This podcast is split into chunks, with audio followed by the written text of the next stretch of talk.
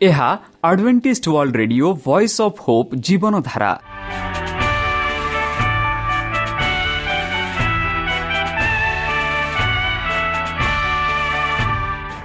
Odia radio କାର୍ଯ୍ୟକ୍ରମ ଯାହା ଆମର ଆନ୍ତର୍ଜାତୀୟ ଆଘାତ କେନ୍ଦ୍ରରୁ ପ୍ରସାରଣ କରାଯାଉଛି ପ୍ରତିଦିନ ରାତି ନଅଟା ତିରିଶ ମିନିଟ୍ରେ। ମୁଁ ସୁବ୍ରତ କୁମାର ପତି ପ୍ରେମର ସହ ଆପଣମାନଙ୍କୁ ଏହି କାର୍ଯ୍ୟକ୍ରମକୁ ସ୍ୱାଗତ କରୁଅଛି। ଚାଲନ୍ତୁ ଆଜିର ତିରିଶ ମିନିଟ୍ର କାର୍ଯ୍ୟକ୍ରମ ବିଷୟରେ ଜାଣିନେବା। ପ୍ରଥମେ ରଖିଛୁ ଆଧ୍ୟାତ୍ମିକ ଭକ୍ତିମୟ ଗୀତ। ଏହାପରେ ଶୁଣିବା ସ୍ୱାସ୍ଥ୍ୟ ବିଷୟରେ ଯାହା ଆମର ଦୈନିକ ଜୀବନରେ ଅତ୍ୟନ୍ତ ଜରୁରୀ। ଆଉ ପରିଶେଷରେ ଶୁଣିବା ପରମେଶ୍ୱରଙ୍କ ଭକ୍ତଙ୍କଠାରୁ ଜୀବନଦାୟକ ଈଶ୍ୱରଙ୍କ ବାକ୍ୟ। ପ୍ରିୟ ଶ୍ରୋତା ତାହେଲେ ଚାଲନ୍ତୁ ଶୁଣିବା ଏକ ଆଧ୍ୟାତ୍ମିକ ଭକ୍ତିମୟ ଗୀତ।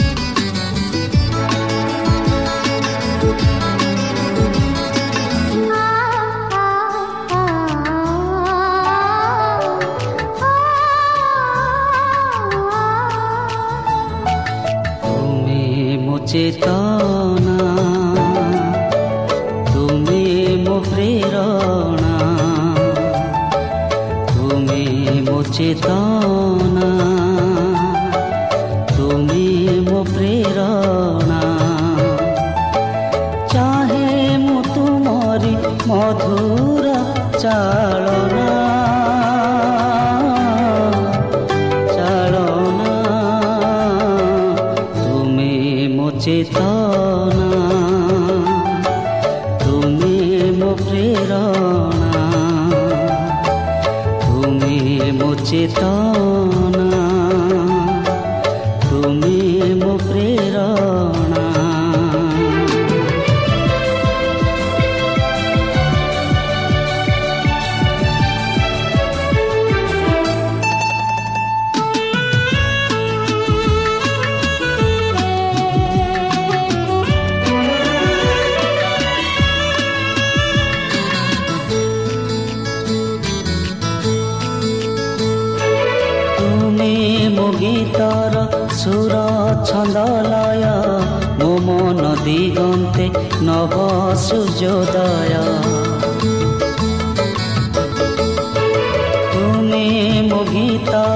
ସୁର ଛନ୍ଦଲୟ ମୋ ମନ ଦିଗନ୍ତେ ନବ ସୂର୍ଯ୍ୟୋଦୟ ମୋ ମନ କାନନେ ମୃଦୁ ସମୀରଣ ମୋ ମନ କାନନେ ମୃଦୁ ସମୀରଣ ତୁମେ ମୋ ଧ୍ୟାନର ପ୍ରଥମ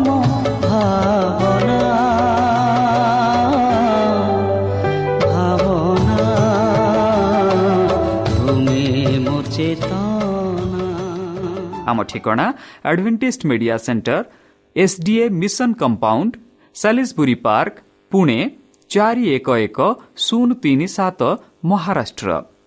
ବା ଖୋଲନ୍ତୁ ଆମର ୱେବସାଇଟ୍ ଯେକୌଣସି Android phone smartphone desktop laptop କିମ୍ବା ଟ୍ୟାବ୍ଲେଟ୍ ଆମର website W W W dot A W R dot O R G slash O R I ଏବଂ W W W dot Adventist media centre India dot O R G ବର୍ତ୍ତମାନ ଚାଲନ୍ତୁ ଶୁଣିବା ଈଶ୍ୱରଙ୍କ ଭକ୍ତଙ୍କଠାରୁ ଈଶ୍ୱରଙ୍କ ଜୀବନଦାୟକ ବାକ୍ୟ ଅନୁତାପ ଚୋର ସ୍ୱର୍ଗକୁ ଗଲା କି ଭାଗ ଏକ ନମସ୍କାର ପ୍ରିୟ ଶ୍ରୋତା ସେହି ସର୍ବଶକ୍ତି ସର୍ବଜ୍ଞାନୀ ପ୍ରେମର ସାଗର ଦୟାମୟ ଅନ୍ତର୍ଜମୀ ଅନୁଗ୍ରହ ପରମ ପିତାଙ୍କ ମଧୁର ନାମରେ ମୁଁ ପାଷ୍ଟ ପୂର୍ଣ୍ଣଚନ୍ଦ୍ର ଆଉ ଥରେ ଆପଣମାନଙ୍କୁ ଏହି କାର୍ଯ୍ୟକ୍ରମରେ ସ୍ୱାଗତ କରୁଅଛି।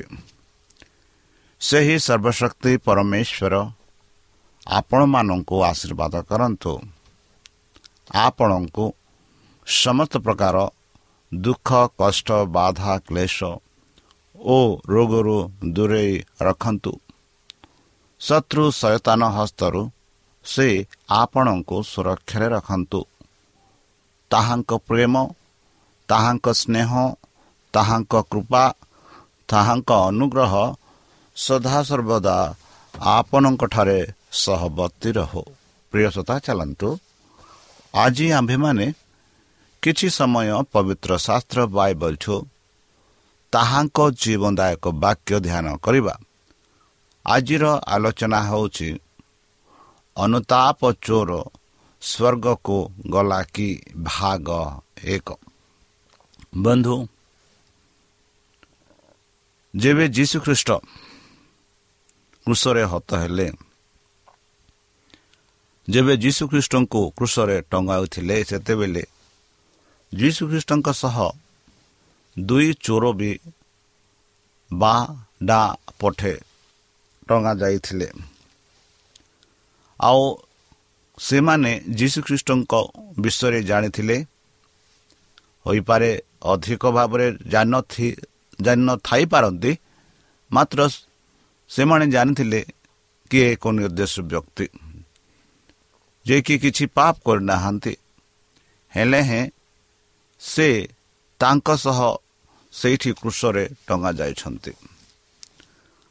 ଆଉ ସେଇ ଯେଉଁ ଦୁଇ ଚୋରମାନଙ୍କ ଠାରୁ ଜଣେ ଚୋର ଖ୍ରୀଷ୍ଟଙ୍କ କାର୍ଯ୍ୟକୁ ଖ୍ରୀଷ୍ଟଙ୍କ ଆଚର୍ଯ୍ୟ କାର୍ଯ୍ୟକୁ ଖ୍ରୀଷ୍ଟଙ୍କୁ ଏକ ସଦାପ୍ରଭୁ ପରମେଶ୍ୱରଙ୍କ ସ୍ୱରୂପେ ଗ୍ରହଣ କରି ସେହି ସଦାପ୍ରଭୁଙ୍କଠାରେ ଅନୁତାପ କରି କହନ୍ତି ପ୍ରଭୁ ଯେବେ ତୁମେ ସେହି ସ୍ୱର୍ଗରାଜ୍ୟଠୁ ଏହି ପୃଥିବୀକୁ ଆସିବେ ସେତେବେଳେ ମୋତେ ସ୍ମରଣ କର। ଆଉ ଆମେ ଦେଖୁଅଛୁ ସଦାପ୍ରଭୁ ପରମେଶ୍ୱର ଯୀଶୁଖ୍ରୀଷ୍ଟ ସେହି କୃଷରେ ଥାଇ ସେହି ଚୋରକୁ ଆଶ୍ୱାସନ ଦିଅନ୍ତି କି ଯେବେ ମୁଁ ଏହି ପୃଥିବୀକୁ ଦ୍ୱିତୀୟ ଥର ଆସିବି ସେତେବେଳେ ମୁଁ ତୁମକୁ ସେହି ସ୍ୱର୍ଗରାଜ୍ୟକୁ ନେବି ବୋଲି ସେହି ଆଶ୍ୱାସନ ଦେଇଥିଲେ। ହେଲେ ଆଜିକାଲି ଆମେ ଅଧିକ ଭାବରେ ଏକ ପ୍ରଶ୍ନରେ ରହିଥାଉ କି ସେଇ ଯେଉଁ ଚୋର ଯିଏକି ଶେଷ ମହତ୍ଵରେ ଅନୁତାପ କଲେ କ'ଣ ସେ ସ୍ୱର୍ଗକୁ ଗଲେ କି ନାହିଁ ଏହିପରି ଆମମାନଙ୍କ ମନରେ ରହିପାରେ। ହୋଇପାରେ ଆମମାନଙ୍କ ଆଲୋଚନାରେ ଏହା ଉତ୍ପନ୍ନ ହୋଇଥାଇପାରେ। ହୋଇପାରେ ଅନ୍ୟ କେହି ଏହିପରି ପ୍ରଶ୍ନ କରିଥାନ୍ତି କି ସେହି ଚୋର ଯିଏକି ଡା ପଟେ ଜଣେ ଚୋର ପରମେଶ୍ୱରଙ୍କୁ ଯୀଶୁଖ୍ରୀଷ୍ଟଙ୍କୁ ଠାରେ ଅନୁତାପ କଲେ ଆଉ ସେ ଅନୁତାପରୁ କ୍ଷମା କରାଗଲା କି ନାହିଁ ଆଉ ସେ ସ୍ୱର୍ଗ ରାଜ୍ୟ ଗଲେ କି ନାହିଁ ପରି ନାହିଁ ବୋଲି ହୋଇପାରେ ଆପଣମାନେ ପ୍ରଶ୍ନ କରିପାରନ୍ତି। ଆଉ ସେହି ପ୍ରଶ୍ନର ଉତ୍ତର ଆଜି ଆମେ ଦେଖିବା।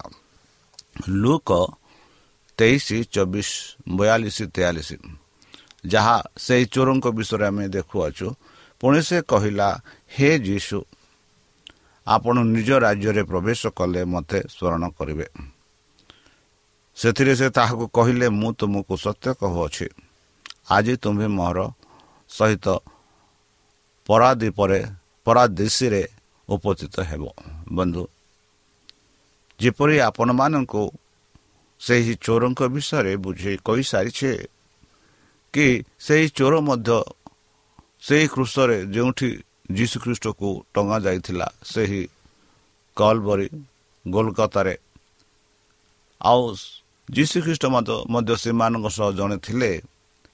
ଆଉ ଏହି ଦୁଇ ଚୋରରୁ ଜଣେ ଚୋର ନିଜକୁ ଅନୁତାପ କରି ନିଜକୁ ସ୍ୱୀକାର କରି ନିଜର ଅବସ୍ଥାକୁ ସେ ଜାଣି ନିଜର ପରିସ୍ଥିତିକୁ ସେ ଜାଣି ସେ ପରିତ୍ରାଣ ପାଇବା ପାଇଁ ଇଚ୍ଛା କରି ସଦାପ୍ରଭୁଙ୍କଠାରେ ସଦାସର୍ବତା ରହିବା ପାଇଁ ସେ ଇଚ୍ଛା କରି ନିଜକୁ ପରିବର୍ତ୍ତନ କରି ଅନୁତାପ କରି ପରମେଶ୍ୱରଙ୍କଠାରେ କହୁଛନ୍ତି ଏହିପରି। ସେ କହିଲା ହେ ଯୀଶୁ। କହିଲେ ହେ ଯୀଶୁ ଆପଣ ନିଜ ରାଜ୍ୟରେ ପ୍ରବେଶ କଲାବେଳେ ମୋତେ ସ୍ମରଣ କର। ଏହିପରି ସେହି ଚୋର ଯୀଶୁଖ୍ରୀଷ୍ଟଙ୍କୁ ଅନୁରୋଧ କଲେ। ଆଉ ସେହି ମତରେ ଯୀଶୁଖ୍ରୀଷ୍ଟ ସେହି ଚୋରର ପାପକୁ କ୍ଷମା କରି ତାକୁ ଆଶ୍ୱାସନ ଦେଉଛନ୍ତି କି ସେଥିରେ ସେ କହି କହିବାକୁ କହିଲେ ତୁମକୁ ସତ୍ୟ କହୁଛି ଯୀଶୁ କହୁଛନ୍ତି ମୁଁ ସତ୍ୟ କହୁଛି ମୁଁ ଭୁଲ କହୁନି। ମୁଁ ତୁମମାନଙ୍କୁ ସଠିକରେ କହୁଅଛି କି ମୁଁ ଆଜି ତୁମେ ମୋହର ସହିତ ପାରାଦିଶୀରେ ଉପସ୍ଥିତ ହେବେ। ବା ସ୍ୱର୍ଗକୁ ଯିବେ ବୋଲି ଯୀଶୁଖ୍ରୀଷ୍ଟ ସେହି ମହତରେ ସେହି ଚୋରକୁ ସେହି ପ୍ରକାର ଉତ୍ତର ଦେଉଥିଲେ ବନ୍ଧୁ ଏହା ଯୀଶୁଖ୍ରୀଷ୍ଟଙ୍କର ଆଶ୍ୱାସନ। ଆଉ ଯୀଶୁ ଖ୍ରୀଷ୍ଟ କହିଛନ୍ତି ଯେ କେହି ମୋ ଠାରେ ବିଶ୍ୱାସ କରନ୍ତି ଯେ କେହି ଅନୁତାପ କରନ୍ତି ଯେ କେହି ନିଜ ପାପ ସ୍ୱୀକାର କରି ଯୀଶୁଙ୍କ ଛାମୁରେ ନିଜକୁ ସ୍ମରଣ ନେଇ ଯୀଶୁଙ୍କ ସମୂହରେ ନିଜକୁ ସ୍ୱୀକାର କରି ପାପର ଅନୁତାପ କରି ପଛାତ କରିବେ। ନିଶ୍ଚିତ ଭାବେ ଯୀଶୁଖ୍ରୀଷ୍ଟ ଏହିପରି ଆଶ୍ୱାସନା ଦିଅନ୍ତି ପ୍ରତ୍ୟେକ ପାପୀକୁ ଯିଏକି ନିଜକୁ ସ୍ୱୀକାର କରି ଅନୁତାପ କରୁଅଛେ। ବନ୍ଧୁ ତା ପୂର୍ବରେ ଆମେ ସ୍ୱର୍ଗ ବିଷୟରେ ଦେଖିବା। ସ୍ୱର୍ଗ କ'ଣ? ଲୁକ ତେଇଶ ଚଉରାଳିଶରେ ଆମେ ପାଉଅଛୁ। ସେଥିରେ ସେ ତାହାକୁ କହିଲେ ମୁଁ ତୁମକୁ ସତ୍ୟ କହୁଛି ଆଜି ତୁମେ ମୋର ସହିତ ପାରଦିଶରେ ଉପସ୍ଥିତ ହେବ। ବା ପାରାଡାଇସ୍ ବୋଲି ଇଂରାଜୀ ଭାଷାରେ କୁହାଯାଉଛି। ପାରାଡାଇସ୍ ବା ପାରାଦିଶୀ। ପାରଦିଶୀରେ କ'ଣ? ଏହି ପଦର ଅର୍ଥ କ'ଣ? ଆମେ ଦେଖୁ ଯେଉଁଠାରେ ଦୁଃଖ ନାହିଁ ଯେଉଁଠାରେ କଷ୍ଟ ନାହିଁ ଯେଉଁଠାରେ ବାଧା ନାହିଁ କ୍ଲେଶ ନାହିଁ ରୋଗ ନାହିଁ କ୍ରନ୍ଧନ ନାହିଁ ସବୁ ସମୟ ଶାନ୍ତି ସବୁ ସମୟରେ ଖୁସି।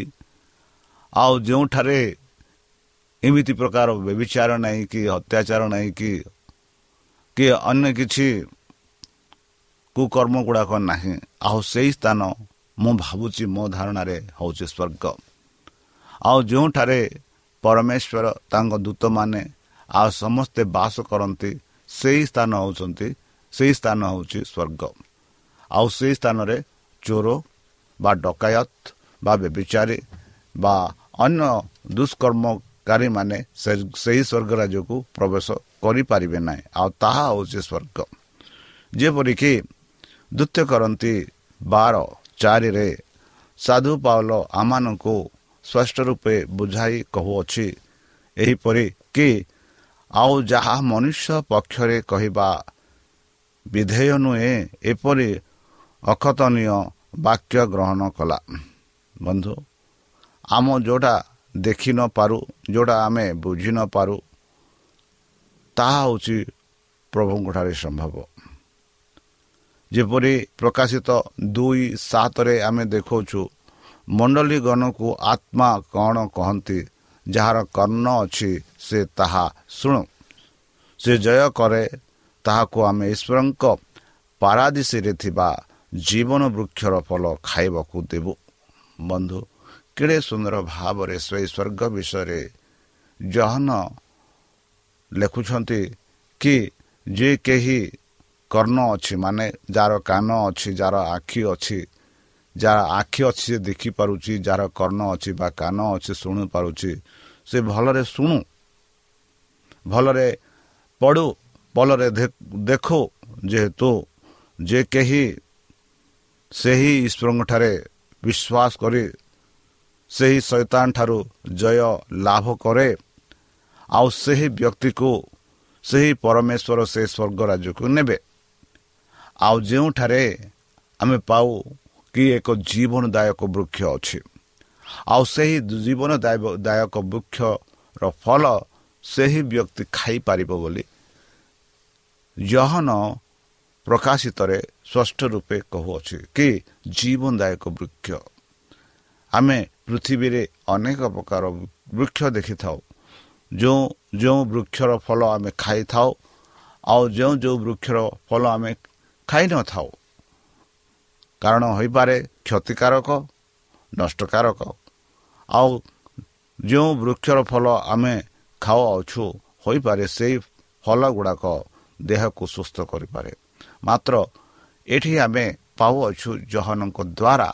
ଜହନ କହନ୍ତି ଯେ କେହି ତାଙ୍କ ବାକ୍ୟର ଅର୍ଥ ବୁଝି ତାଙ୍କ ବାକ୍ୟକୁ ନିଜ କାଣ ଦେଇ ଶୁଣନ୍ତି ବୁଝନ୍ତି ଆଉ ସେ ବାକ୍ୟରୁ ବାକ୍ୟ ଅନୁସାରେ ଚାଲନ୍ତି ଆଉ ସୟତାନ ଠାରୁ ଜୟ ଲାଭ କରନ୍ତି ସେମାନଙ୍କୁ ଈଶ୍ୱର ସେହି ସ୍ୱର୍ଗରାଜକୁ ନେବେ। ଆଉ ଯେବେ ସେମାନେ ସ୍ୱର୍ଗରାଜକୁ ଯିବେ ସେହି ସ୍ୱର୍ଗରାଜ୍ୟର ରାଜ୍ୟରେ ଯେଉଁ ଜୀବନଦାୟକ ବୃକ୍ଷ ଅଛି ସେହି ଜୀବନଦାୟକ ବୃକ୍ଷର ଫଳ ଖାଇବେ।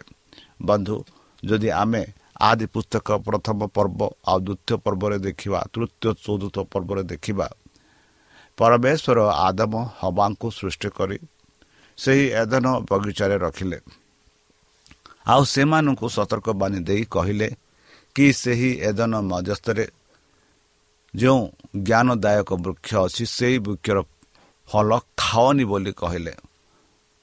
ଆଉ ସେମାନେ ଖାଇଲେ ପାପ କଲେ। ଆଉ ସେହି ସମୟରେ ଆମେ ଦେଖୁଅଛୁ ସେହି ଜୀବନଦାୟକ ବୃକ୍ଷ ମଧ୍ୟ ସେହି ଏ ଦିନରେ ଥିଲା।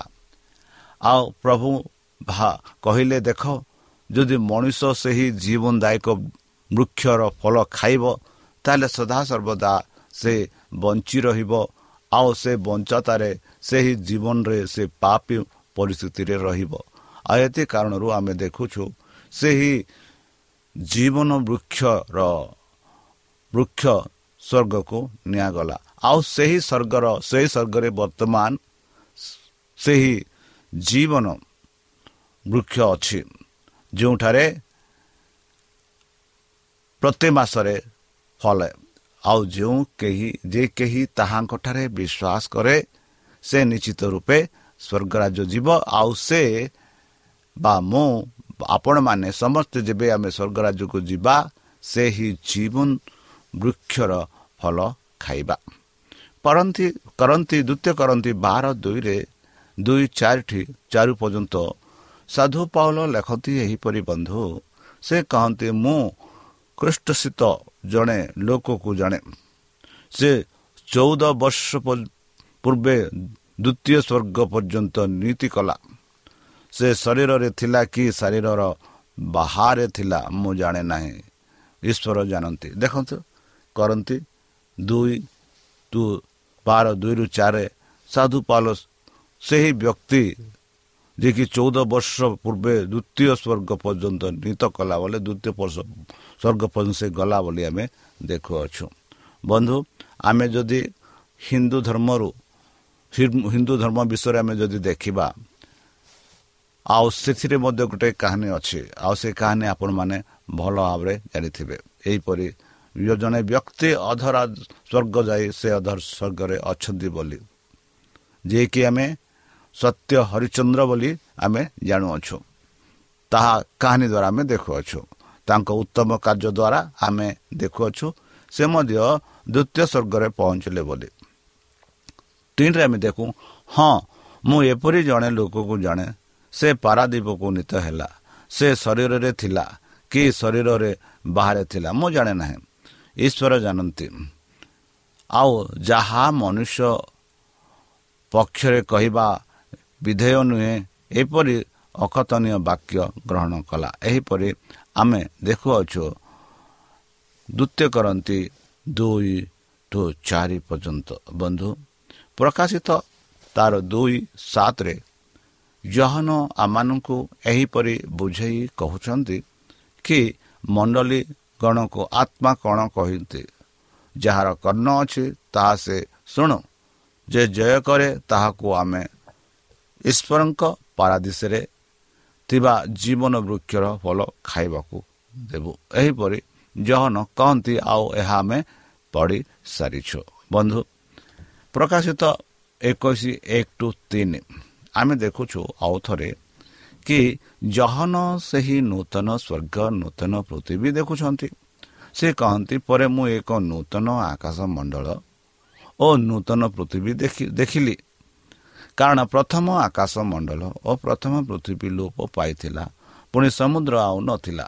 ବର୍ତ୍ତମାନ ଯେଉଁ ପୃଥିବୀରେ ଆମେ ବାସ କରୁଛେ ବର୍ତ୍ତମାନ ଯେଉଁ ପୃଥିବୀରେ ଆମେ ଆମ ଆପଣା ଜୀବନକୁ ପରିଚାଳନା କରୁଛେ ଆଉ ଜହନ କହନ୍ତି ସେହି ଦର୍ଶନ ଦ୍ୱାରା ସେ ଦେଖୁଛନ୍ତି।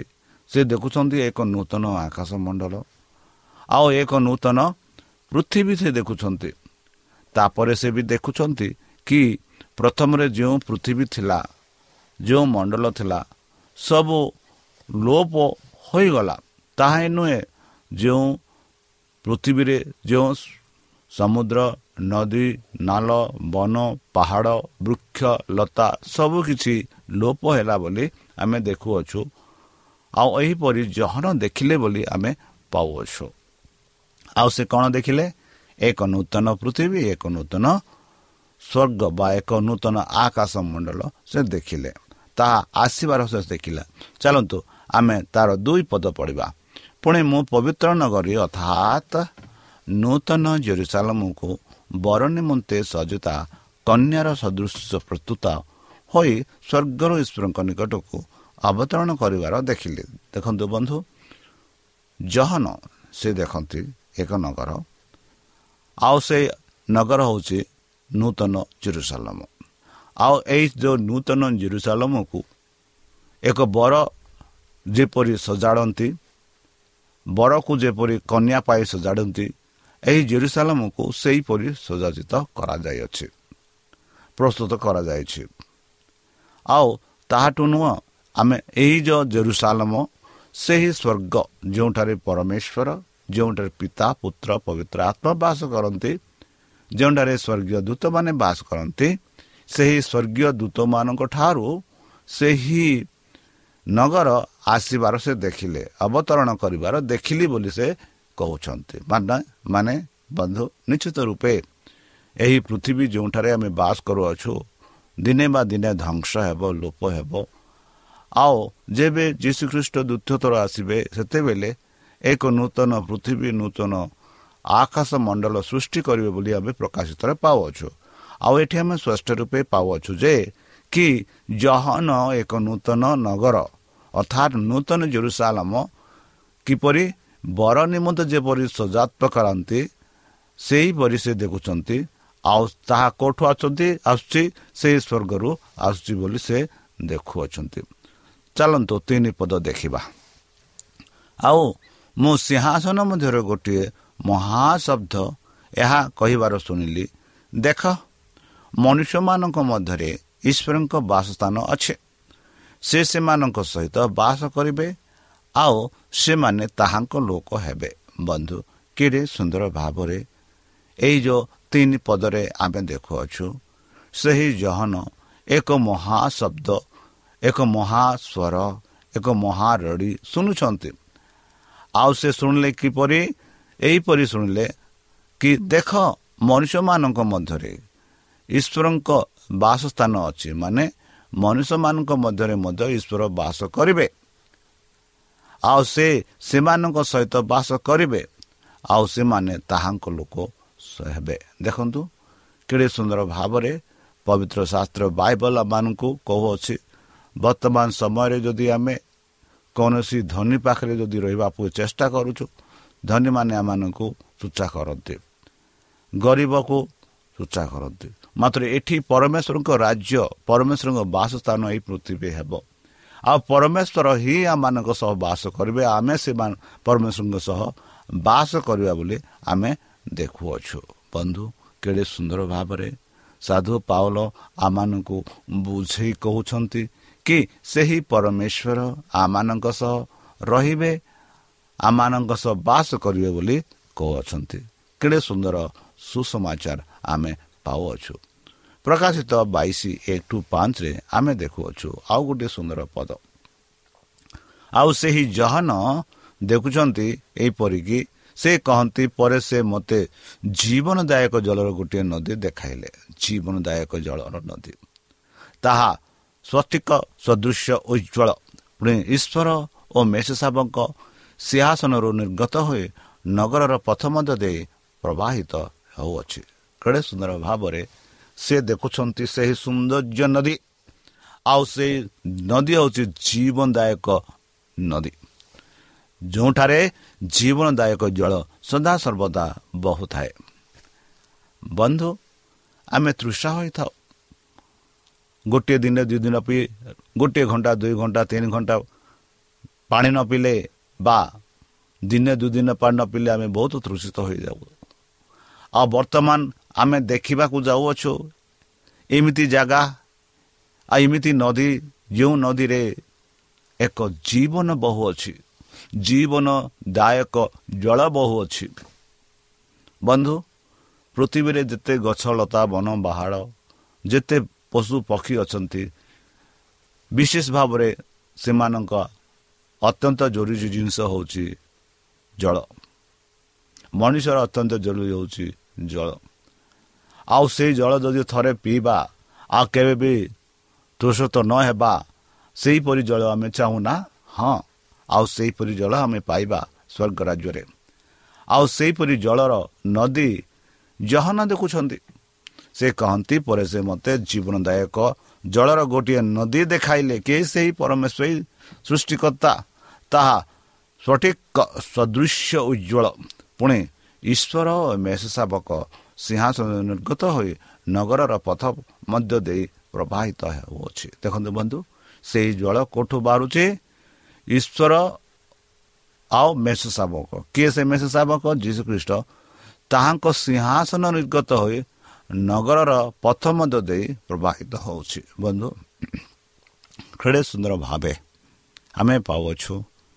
କି ସେହି ସ୍ୱର୍ଗରାଜ ବିଷୟରେ ଯୀଶୁଖ୍ରୀଷ୍ଟ ସେହି ଚୋରକୁ କହିଥିଲେ କି ତୁମେ ଦିନେ ମୋ ସହିତ ସେହି ସ୍ୱର୍ଗରାଜ୍ୟରେ ବାସ କରିବ।